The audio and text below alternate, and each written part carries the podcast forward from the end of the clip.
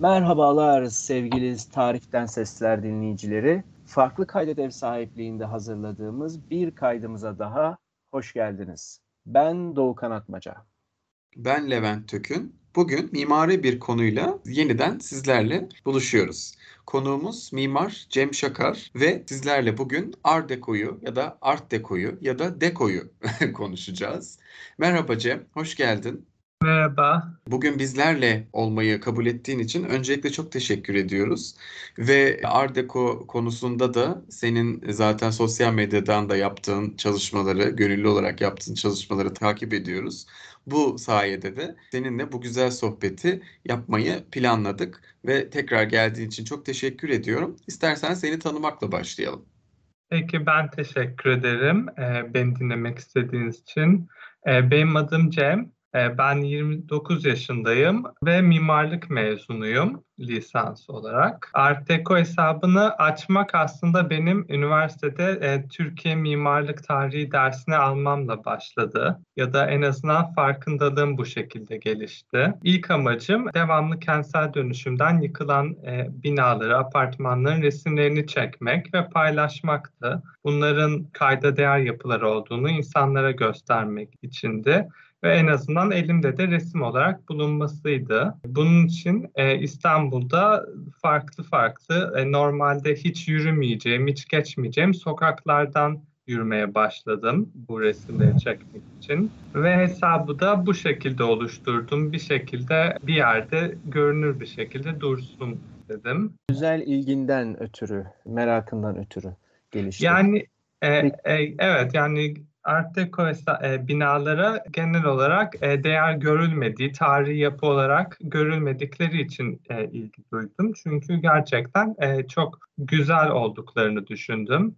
Ve bu Art Deco yapıları beğenmemin ve ilgi göstermemin bir başka sebebi ise daha önceki e, dönemlere ait yapılara göre Beyoğlu'ndaki yapılara göre daha kolay yoldan estetik nasıl elde edilir sorusuna güzel bir cevap oluşturduklarını düşünüyorum bu apartmanlarda. Neden böyle? Ee, çok daha sade yapılar oldukları için mi böyle? Daha evet estetik. yani daha kolay bir şekilde daha e, estetik yapılara ulaştıkları için estetik yapılar üretebildiklerini düşünüyorum ben Art Deco akımıyla. Evet aslında diğer binalara göre, diğer tarzlara göre e, fark edilmesi daha zor olabiliyor. Bazen çok sade Art Deco'lar var. Yani hatta e, acaba düz bir bina mı yoksa birazcık Art Deco var mı diye biraz göz yormak gerekiyor. Peki İstanbul'da başladığını anladım e, bu e, fotoğrafları çekmeye, toplamaya. Şöyle bir şey söyleyebilir miyiz? İstanbul'da yahut diğer şehirlerde Art Deco tarzı binaların yoğunlaştığı bir bölge var mıdır? Şimdi Art Deco tarzı binalar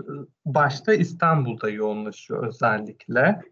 İstanbul haricinde e, yani kurumsal yapılarla Ankara'da yoğunlaşıyor. Atatürk'ün kurduğu başkent şehri olmasından dolayı ve yurt dışından mimarların gelmesi sonucu biraz Ankara'da yoğunlaşıyor diyebiliriz. Onun haricinde daha ikinci şehirlerde yani daha küçük yerlerde genelde Ege bölgesinde Cumhuriyet döneminde e, Cumhuriyet ilanındaki en büyük şehirlerimiz nereleri ise oralarda ki bunlar da genelde tren istasyonu olan şehirler oluyor. Ancak şunu da belirtmek gerekir. Diğer şehirlerde Art Deco yapılar e, iki katlı ev olarak gen çoğunlukla kurulmuş ve dolayısıyla bunların neredeyse hepsi 1970'li yıllarda yok olmuş. Dolayısıyla elimizde fazla bir belge de yok. Daha çok eski resimlerden bunun böyle olduğunu görebiliyoruz. Benim gözlemim Art Deco Türkiye'de İstanbul dışında, Ankara dışında en çok yine yabancıların yani gayrimüslimlerin daha çok yaşamış olduğu kasabalarda yoğunlaşıyor.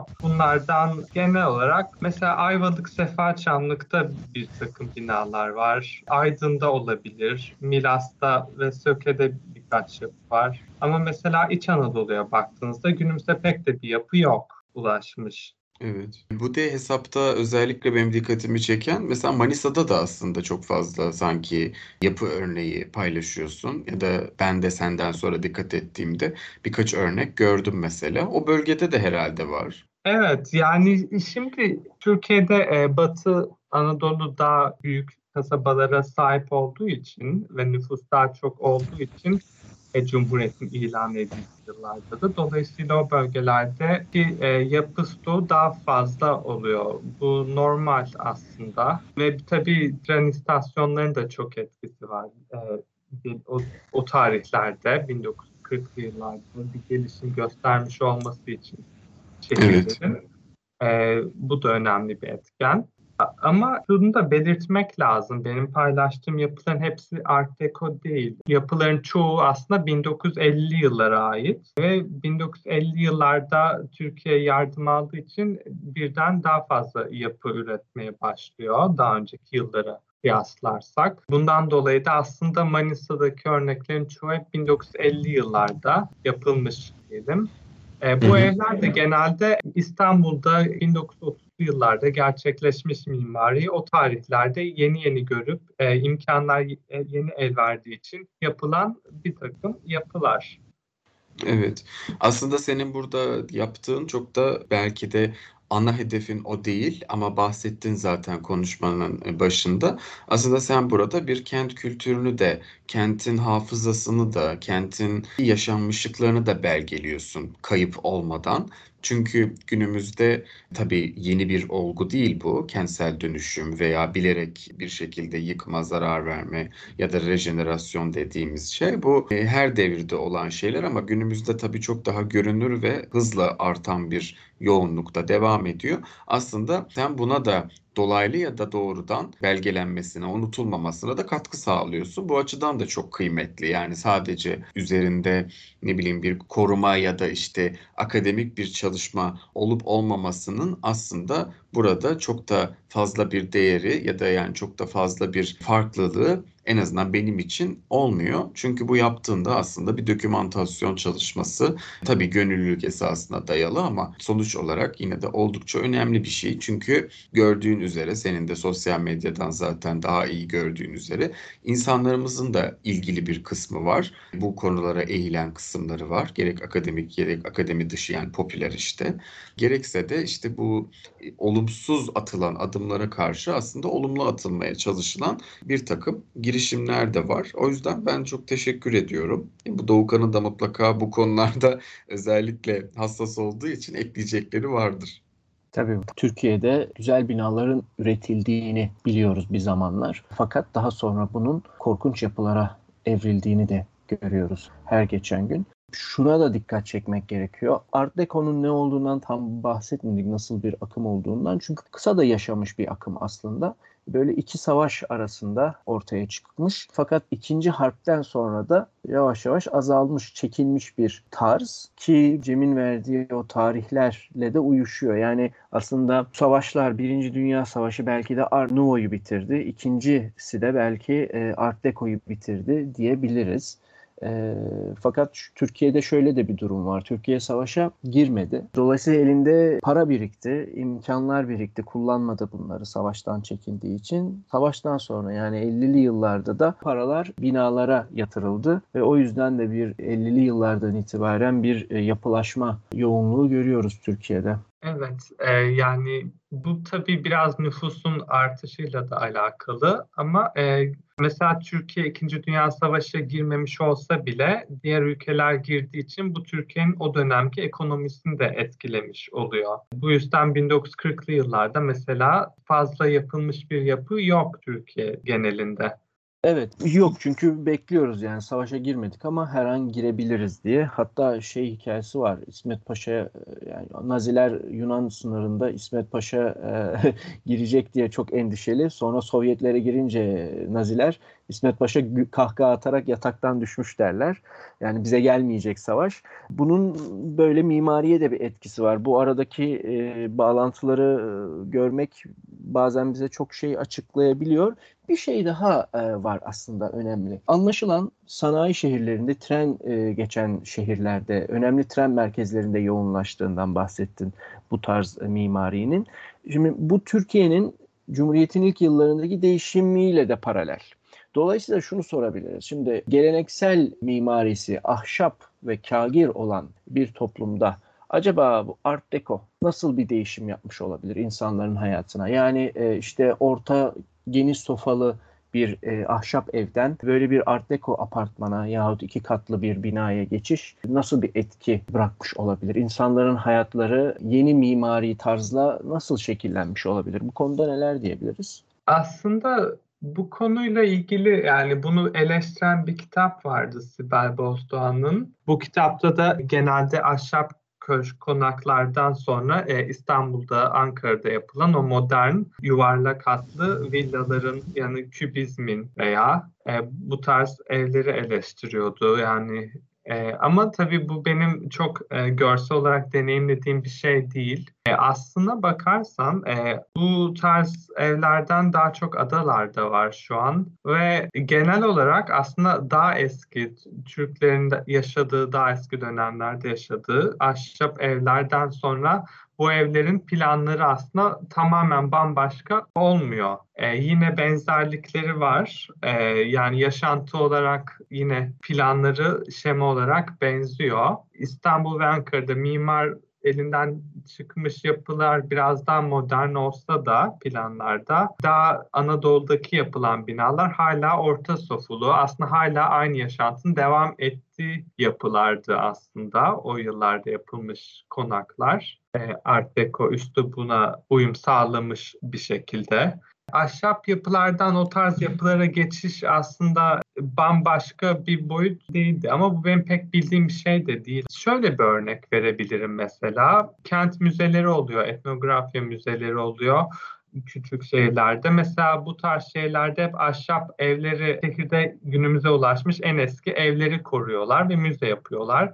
Ve bu tarz e, müzelerin planlarıyla aslında onlardan bir 30-40 yıl sonra yapılmış Art Deco üslubuna uygun veya o yıllarda yapılmış eğer Art Deco değilse de yine 1930'lu 40'lı yıllarda yapılmış konakların yapıları, e, plan şemaları çok da farklı değil aslında. O evler içindeki yaşantılarda da çok büyük bir fark yok. Mesela Ula'ya giderseniz eğer ya da Milas'a giderseniz o kasabalarda Muğla'nın yapıları inceleyebilirsiniz. 1940'lı yıllarda yapılmış yapılara da bakabilirsiniz veya 1900'lü yıllarda yapılmış yapılara da ve bunların büyük çoğunluğu hep e, ortadan girilen orta sofulu plan şemasına sahip oluyor. Yani... Ama tabii daha detaylı bir şekilde de e, incelemek lazım. Bölgeden bölgeye değişebiliyor. Ama benim gördüğüm kadarıyla 19. yüzyıldan 20. yüzyıla geçerken e, çok da büyük bir fark yok yapılarda. Büyük kırılma Art Deco'nun olduğu yıllarda değil, nüfusun patlamasıyla birlikte çok katlı, 4-5 katlı apartmanlaşmayı geçirdiği dönemlerde. 1950'lerin sonunda ve diğer yerler için 1960'ların sonunda, 70'lerin başında gerçekleşiyor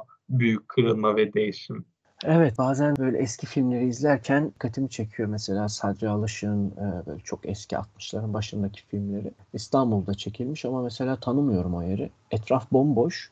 Üç tane apartman bloğu var böyle altı katlı, beş katlı. Herhalde o tarihlere denk geliyor belki devam ettirilebilirdi. Çünkü çok da detayı, içeriği karışık olan bir yapı, bir tarz değil aslında. Yani daha sade, Art Nouveau gibi dallanıp budaklanmıyor da. Bir de benim Art Deco'da daha çok hoşuma giden, yani ben Art Nouveau'yu aslında şahsi olarak daha çok beğeniyorum mimaride. Fakat Art Deco'da beni etkileyen zaten dekora, dekordan geliyor art dekoratif. Dekorlar, iç mekan dekorları, mesela duvar süslemeleri, lambalar, aplikler, kapı kolları birkaç öyle yerde de çıktı ama o kadar az ki, o kadar koruyamıyoruz, tutamıyoruz ki kapı kolu bile insanlara böyle bir büyük bir hazineymiş gibi geliyor. İç mekan dekoru olarak kullanıldığı nereler var? Hani binaları dışarıdan görüyoruz ya da bu mesela garlar dedik Cumhuriyet'in ilk dönemi. Bunların içleri de çok sade yapılar. Daha böyle sanayi tarzı, o dönemin sanayi yapılarına benzeyen binalar. Dekor olarak Türkiye'de var mı bir yer iç mekan olarak? Şimdi İstanbul'da bazı apartmanlarda böyle salonu ikiye bölerler ve o böyle bölünen kısımda bazen e, süslü bir sütun şeklinde olur. Apartman girişlerinde zaten eğer muhafaza edilmişse görebiliyoruz bazı motifleri, mermer işlemeleri en azından. Dekor olarak e, yani tabii yani yapıldığı yıllarda o binaları görmek ayrı, günümüzde görmek ayrı. Çok değişmiş, değişimler geçirmiş olabiliyorlar. Bazı orijinalliklerde göremiyorlar ama Architect dergisindeki resimlerden e, iç dekor görebilirsek biraz bahsedebiliriz. Mesela şöyle bir eleştiri olmuştu. Gümüş suyundaki tüten apartmanının iç resimlerini eleştirdiklerinde yine hala eski ahşap bir evde yaşıyorlarmış gibi içine döşemişlerdi e, sahipleri. Yani en azından böyle bir eleştiri vardı bu yönde. Dolayısıyla dekor olarak Art Deco'yu Türkiye'de yurt dışında olduğu kadar tabii görmek pek de mümkün değil. Bunu görebileceğimiz bazı sinema yapıları varmış aslında e, İstiklal Caddesi üzerinde ama onların da hiçbirini uzun yıllardır Türkiye'de yok. Biz göremediğimiz için bilmiyoruz. Resimlerden belki biraz takip edebiliriz. Yani iç mekan, art deco iç mekan, dekor olarak bazı halk evleri binasının auditoriumlarında Seyfi Arkan'ın yapılarına bakabilirsiniz. E, Seyfi Arkan'ın yapılarında aslında Türkiye'de bir tek görebiliyoruz günümüzde Art Deco iç mekan dekorunu. Bunlardan İller Bankası maalesef yıkıldı Ankara'daki. Florya'daki Deniz Köşkü'nü gezebilirsiniz restore edilmiş haliyle. Başka da çok da aklıma gelmiyor. Belki şunu da ekleyebiliriz. Özellikle duvarlarına ve tavan bezemelerine bakılırsa Kadıköy ve Adana Halk Evleri'nin auditoriumları sayılabilir kısmen. Bildiğim pek de Türkiye'de art deco, iç mekan, dekor olarak görsel aklıma pek de bir şey gelmiyor. Bir de son olarak Eminönü'ndeki kuru kahveci bina vardı. Tam adını hatırlamıyorum. Mehmet ben. Efendi. Mehmet evet. Efendi evet. Belki evet. öyle tek tük yapılarda bunu görebilirsiniz. Ee, ama konutlarda pek görülmek mümkün olmuyor günümüzde.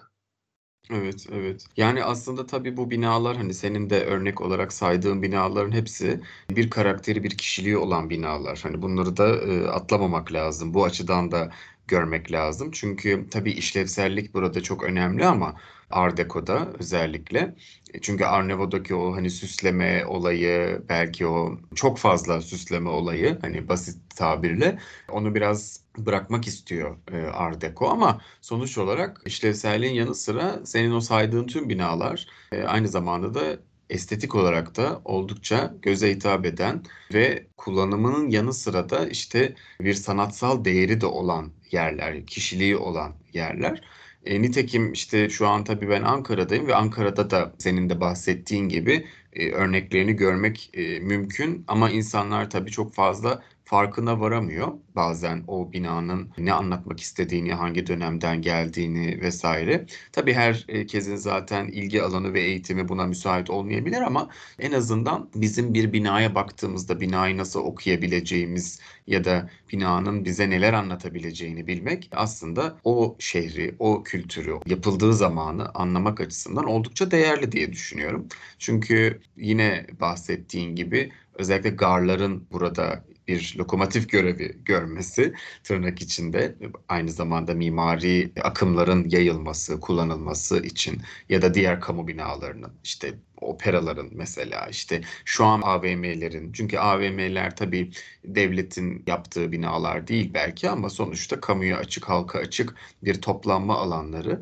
ve İstanbul'da da mesela benim hatırladığım kadarıyla Altunizade'deki yine alışveriş merkezi Kapitol mesela bir Art Deco örneği olarak geçiyor. Ama modern zamanda yapılmış. O yüzden de hani illa ilk çıktığı zaman yapılan binalardan da belki bahsetmiyoruz da bir üsluptan bahsediyor gibi de olabilir. Bunun aynısı tabii diğer üsluplar için de geçerli. Sadece Art Deco için değil. Ama işte gotik mimari dediğimizde ya da hani barok mimari dediğimizde illa o dönem yapılmış olması şart değil. Zaten neogotik, neobarok şeklinde de söylenebiliyor. Ama gerçekten bu binalar hepsinin önünden hemen hemen yani örneklere şöyle bir baktığımda senin saydıklarından da birçoğunun önünden hep geçtiğim, bildiğim ama mesela bu şekilde okumadığım binalar. O yüzden de çok değerli olduğunu düşünüyorum. Son olarak hani sana şunu sorarak belki yayınımıza e, sonlandırabiliriz. Bu Art Deco binalar tabii bize biraz daha Avrupa'dan işte e, sonra geliyor senin de bahsettiğin gibi hani dönem olarak ama çok da arasında bir fark yok. E, bize şu an günümüzde ya da işte arşivlerden baktığımızda günümüzde çünkü her binada e, devam etmiyor ne yazık ki. Günümüzde ya da dediğim gibi o arşivlerden baktığımızda mesela senin ilk baktığın, senin gözüne ilk çarpan veya çarpması gereken herhangi biri baktığında evet bu bina Art Deco'dur ya da güzel bir örneğidir şeklinde hangi özellikler mesela önemli? Art Deco yani şimdi şöyle İstanbul'daki Art Deco binaları 1920'li e, yıllarda yapılmış olanlar birazcık daha bezemeye önem veren binalardı. Ama 30'lu yıllarda ve 40'ların başındaki yapılar birazcık daha modern hatlara sahip yapılardı ve benim gördüğüm kadarıyla insanlar bu modern hatlara sahip, özellikle de yuvarlak bir cephesi olan binaları daha çok seviyorlar. Bu tarz özellikte olan yapıları daha çok göze çarpıyor en azından anladığım kadarıyla. Yalnız daha önceki e, açıklamalarında şunu da belirtmek lazım yani Kapitol, Altunizade'de Kapitol binası yani bunlar genelde sahte tarihselcilik olarak nitelendiriliyor günümüzde. Dolayısıyla aslında her yapıyı da kendi yapıldığı dönemdeki akıma göre değerlendirmek lazım. Bunun haricinde e, bir Art Deco apartmana baktığımızda yani hangi özellikler insanların hoşuna gidiyor?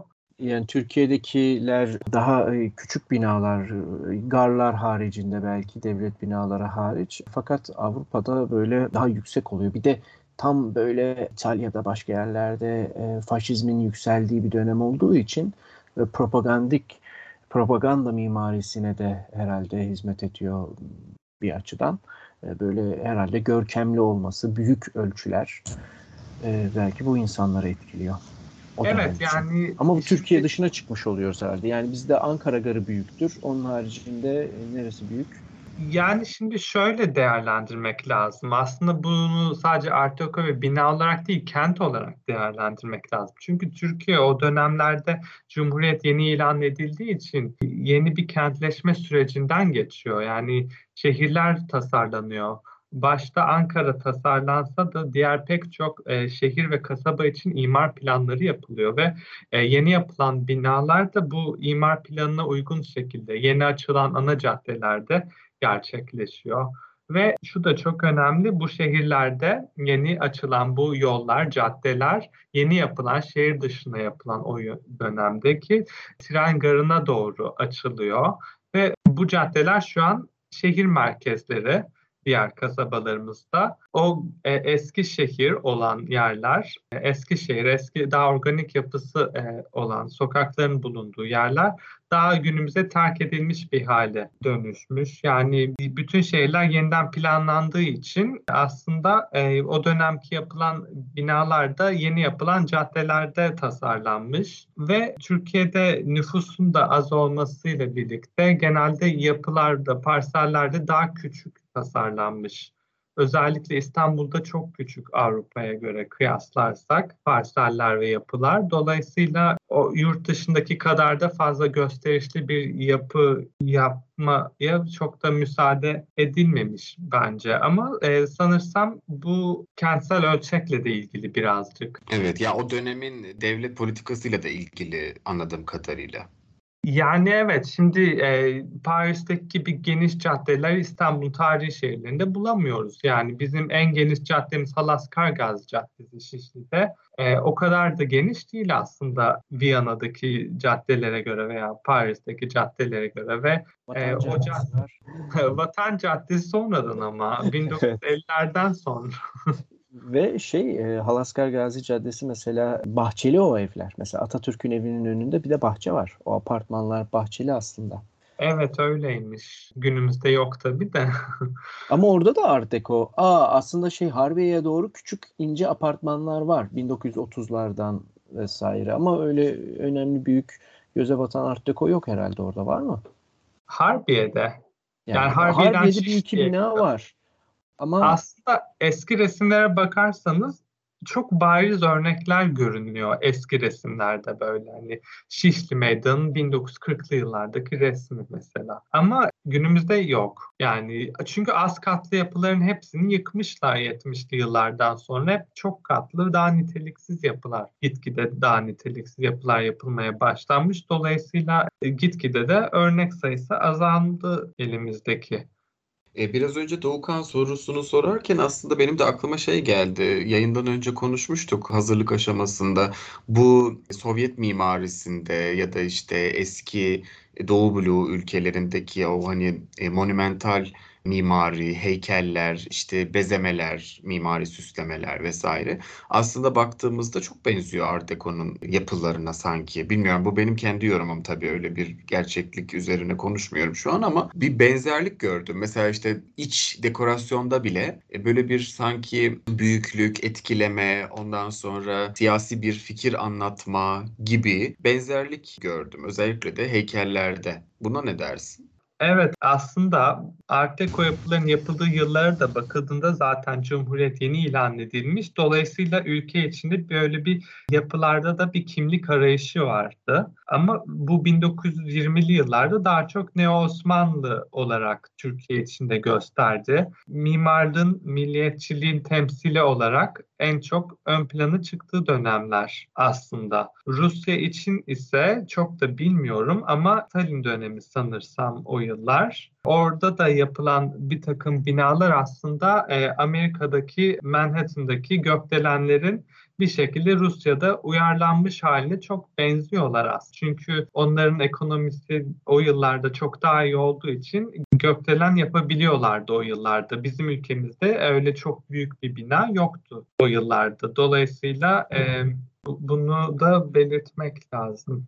Yani çok e, gerçekten aslında bir sürü konuyla ilgili sadece mimari ya da sadece süsleme e, diye ya da sadece o 10 yılda hani gelişip büyüyen bir akım diye tabii senin de dediğin gibi bakmamak gerekiyor. E, çok katmanlı bir konu bu da. Biz şu an dinleyicilerimizin de anlayabileceği gibi sadece mimari bir akımı değil aslında bir kenti, bir devleti kurarken hangi akımdan e, yararlanılmış, bu akımla birlikte neler yapılmış? Tabii sadece Art Deco bazında yapılmamış bu yapılan çalışmalar Türkiye'de ama üst üste denk geldiği için aslında ne kadar somut örneklerini görebildiğimizi ve dünyada da işte bunu gerek Rusya'da gerek diğer ülkelerde, Amerika'da özellikle işte Paris'te yine çok fazla örneğini görebiliyoruz. Avusturya'da senin de bahsettiğin gibi Viyana'da çok örneğini görüyoruz. Yani bir şehir kurmak, bir kent kültürü oluşturmak, çağa ayak uydurmak gibi pek çok isim verebileceğimiz katmadı var. Sadece mimaride kullanılan tırnak içinde basit bir akımdan